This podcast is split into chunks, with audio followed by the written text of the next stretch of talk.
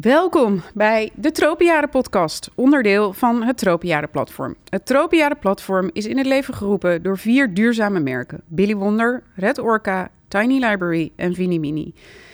En we willen graag met dit platform ouders wegwijs maken in de nieuwe wereld vol met informatie, schema's, adviezen, influencers en spullen. Er komen zoveel keuzes op je pad als ouders. Welke zijn dat en hoe maak je deze keuzes zo bewust en zo duurzaam mogelijk? Mijn naam is Steve Fleur. Ik ben de founder van Billy Wonder. En ik zit hier niet alleen. Vandaag zitten we op de negen beurs samen met mijn co-founder. Erik, hallo. Hallo. En we hebben een geweldige gast vanavond. Kan je even vanavond, ja, is het avond? Ja, het is al avond bijna. Stel jezelf even voor, zou ik zeggen. Um, nou, ik ben Saskia, Saskia Mulder. Um, zal ik vertellen wat ik uh, voor uh, achtergrond, wat ik doe, zoiets? Nou, we doen eigenlijk altijd stiekem een vraag. Dan kan je het aan oh, de hand goed. van die vraag doen. Ja, oké. Okay. Um, namelijk, wat zijn uh, drie ervaringen in jouw leven die, die gevormd hebben tot wie je nu bent? Um, nou, uh, dan moet ik even uh, zes jaar terug voor de eerste. Dat was uh, toen heb ik mijn vorige loondienstbaan opgezegd omdat ik de wereld wilde redden. Um, ik werkte als online marketeer en um, nou ja, ik was op reis geweest. Trump werd president. Ik had overal op die reis nou, afval zien liggen. En ik had ineens zo'n soort moment dat ik wakker werd en dacht: wat zit ik hier nou te doen achter mijn bureau? Alsof dat heel belangrijk is, een beetje zo typen op een computer. Um, terwijl ondertussen de wereld eraan gaat. En ik had eigenlijk het gevoel, ja, ik kan niet uh, doorgaan uh, alsof dat niet, niet alsof ik er alsof ik nergens van weet, zeg maar. Dus toen heb ik mijn baan opgezegd en heb ik me omgeschoold. Ben ik spreker geworden voor de Verborgen Impact van Babette Porcelein. Um, ja, en ben ik eigenlijk van alles gaan doen om de wereld duurzamer te maken. Uh, moment twee was nu zo'n 2,5 jaar geleden. Dat was uh, toen uh, mijn moeder vrij plotseling ziek werd en binnen een hele korte tijd overleed. Uh, en toen heb ik eigenlijk alles wat ik deed uit mijn handen laten vallen. En nou, binnen de paar maanden daarna veranderde mijn leven echt ongeveer op alle vlakken. Um, en een, daar, een van die vlakken was dat ik in verwachting raakte. En dat is denk ik moment nummer drie. Um, en dat is dat ik uh, moeder werd. Dus uh, ja, dat uh, heeft, vormt mijn huidige identiteit behoorlijk, kan ik zeggen. Ja, kan ik me voorstellen. Ja. En ja, dan word je op basis van wie je nu bent uitgenodigd voor de Tropenjaren podcast. En ja. dan beginnen we altijd met de vraag, waarom zit je hier? Waarom dacht je, ja, daar wil ik wel even komen zitten ja. en gezellig met jullie kletsen? Nou, ik denk dat als mensen mij kennen, dan kennen ze me van mijn Instagram-account, de Social Reporter. Um, en uh, dat is wat een van de dingen die ik 2,5 jaar geleden dus vrij plotseling uit mijn handen heb laten vallen. Um, en sindsdien ben ik er eigenlijk niet meer echt zo teruggekeerd zoals ik er toen uh, aanwezig was. Maar ik heb wel nog heel vaak de behoefte om mensen te helpen met dilemma's of om dingen of visies die ik nu heb of, of nieuwe inzichten die ik heb te delen. Um, maar in de, de dagelijkse gang van de tropenjaren uh, heb ik daar eigenlijk niet echt ruimte voor. En Instagram vind ik heeft daar ook niet echt ruimte voor. Uh, en een podcast vond ik, ja, dan kan je meer echt met elkaar in gesprek. Um, maar dan moet ik ook wel heel eerlijk bekennen, ga ik meteen heel irritant uh, kritisch doen, dat ik wel even moest slikken bij de naam. Uh, omdat de tropenjaren als term verwijst naar ons uh, koloniale verleden. Uh, waarbij nou ja, de soort van fragiele witte mens naar de zware tropen ging en daar dan extra pensioen volgens mij voor uitgekeerd kreeg.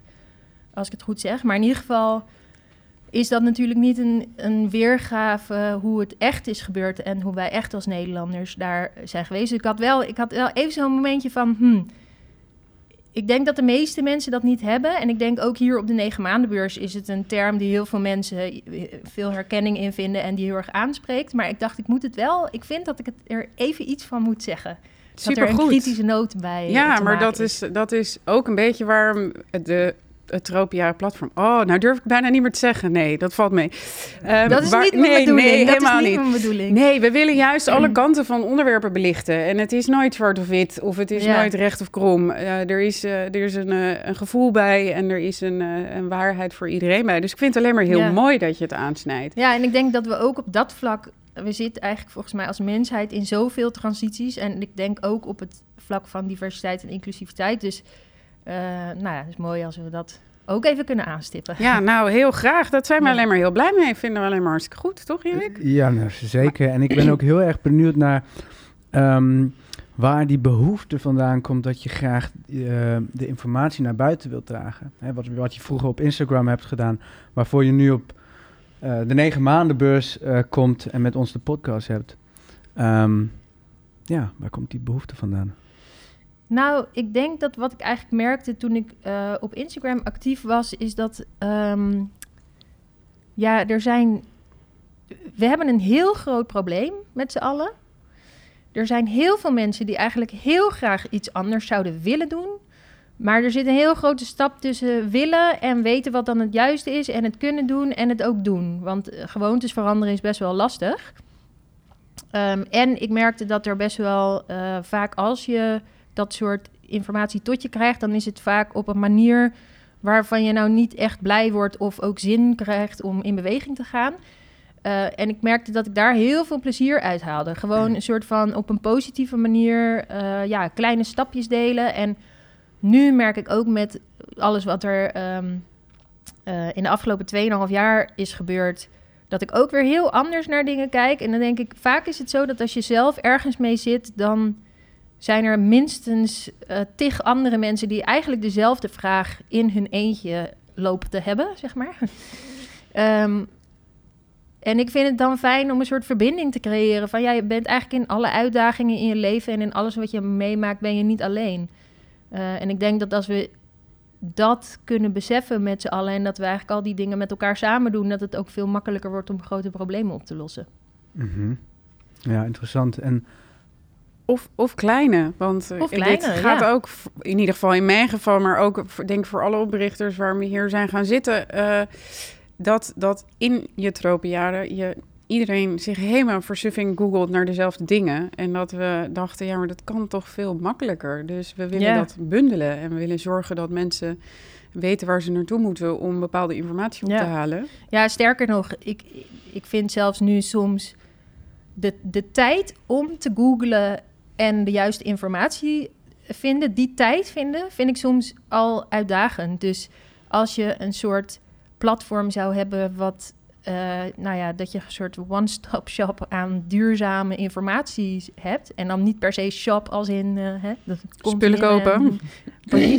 maar gewoon wel van, hè, wat, wat moet je nou doen? En een soort van, waarmee dat gemak ook een beetje erin komt. Want dat is denk ik als nieuwe ouder uh, ja, heel belangrijk. En als je de combinatie van gemak en duurzaamheid kunt maken, dan uh, ja, durven.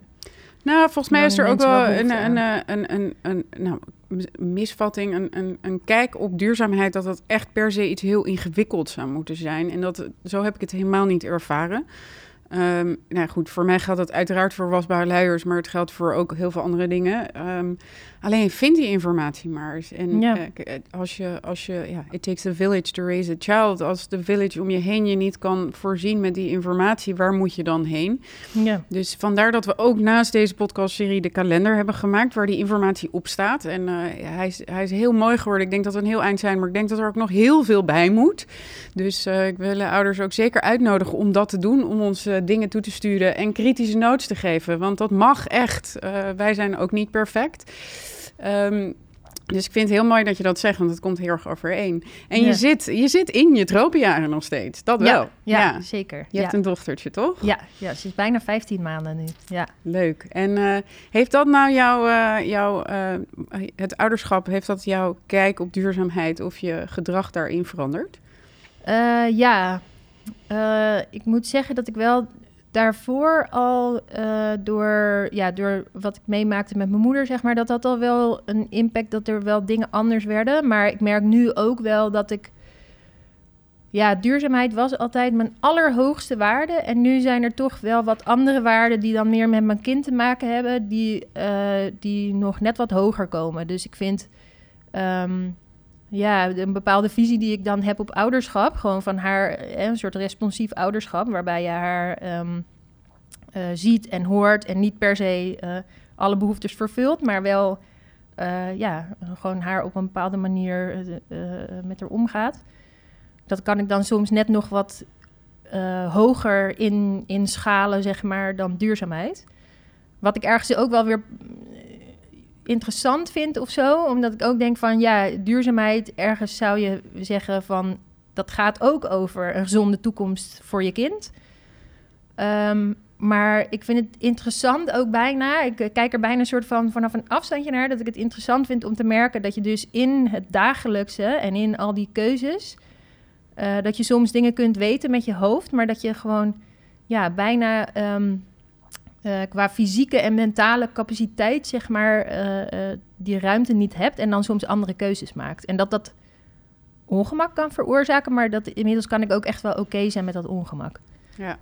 En hoe doe je dat dat je oké bent met het ongemak? Het lijkt me toch wel een, ja, een uitdaging ook. Ja. Um, ja, ik, ik denk dat ik genoeg weet van duurzame keuzes maken, dat ik ook wel denk van, dus ik, ik kan, ik probeer nog wel waar ik kan de duurzame keuzes te maken. Sterker nog, ik denk, uh, als, ik, als ik zou kijken, dan leef ik eigenlijk nog steeds veel duurzamer dan de gemiddelde Nederlander. Alleen gewoon minder duurzaam dan dat ik zelf 2,5 jaar geleden leefde. Want toen leefde ik vrij extreem uh, duurzaam, ook al voelde het helemaal niet extreem. Um, maar ja, ik kan, het, ik kan het vrij makkelijk zien als dit is de fase waar ik nu in zit. En voor deze fase is dit het best passende. En er komt ook wel weer een fase dat ik meer ruimte heb. En uh, ja, om, om weer andere keuzes te maken en weer een stapje duurzamer te gaan. Ja, ja.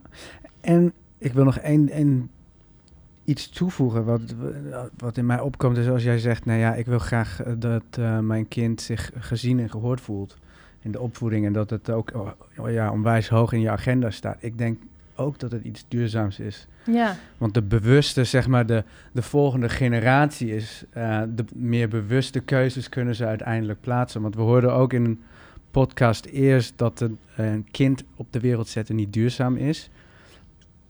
Ja. Uiteindelijk is, schijnt het het minst duurzame te zijn wat je kan doen. Ja, nou ja, dat, ik kan dat ook wel weer nuanceren. Want uiteindelijk is het, um, is het toch je, je gedrag en de keuzes die je maakt, dat, dat maakt of iets duurzaam is of niet. En er kunnen, geloof ik, tien mensen in India worden geboren ten opzichte van één in Amerika qua uh, nou ja, voetafdruk, zeg maar. Um, en dus het gaat uiteindelijk moeten we onze keuzes aanpassen. En het mm. schijnt dat we zelfs als we de bevolking naar zo'n 10 miljard groeit, dat we eigenlijk wel genoeg um, resources, ik kan even hulpbronnen um, uh, hebben. Maar dat we er gewoon anders met die hulpbronnen moeten omgaan. En het is ook nog eens zo dat er uit mijn hoofd, weet ik dit getal uit mijn hoofd, dat zou wel bizar zijn. Uit mijn hoofd wil ik zeggen 274 miljoen. Nou, dit, ik weet niet waar ik dit getal vandaan haal, maar er zijn in ieder geval een heleboel vrouwen uh, op de wereld die aangeven dat ze eigenlijk uh, van geboorteplanning gebruik zouden maken. Um, dus volgens mij is het een veel complexer verhaal en zou je veel meer moeten kijken naar hè, kunnen, we, kunnen we meer gelijkheid in de wereld creëren? Kunnen we meer onderwijs uh, uh, voor, voor vrouwen en meisjes? Uh, want dat schijnt ook aan voor geboorte, hoe zeg je dat? Minder ja, ja, tot gevolg te hebben.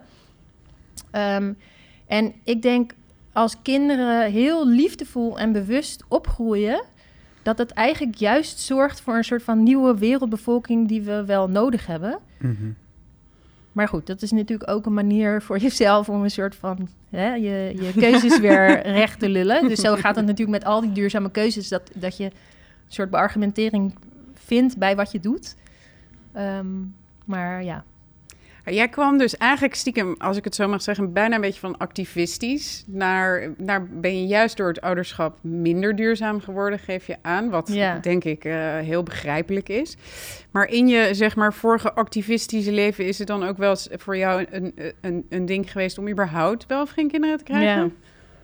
Ehm, nou, ik moet zeggen dat ik altijd wel eh, moeder heb willen worden. Dus ik, ik had nooit dat ik dacht van dat ik daarover twijfelde. Het was wel zo dat ik in het zo op een gegeven moment zat ik eh, tweede helft 30, single, geen kinderen. En dat ik dacht, ja, het zou kunnen dat het gewoon niet meer gebeurt. Doordat ik niemand meer tegenkom om kinderen mee te krijgen. Of, eh, nou ja, hè, dus het was wel dat ik een moment heb gehad dat ik dacht... misschien kan ik daar dan wel oké mee zijn vanwege het klimaat. En dan ga ik gewoon op een hele andere manier... ga ik mijn tijd gewoon besteden aan... eh, nou ja, de wereld redden voor al die andere kinderen van andere mensen, zeg maar.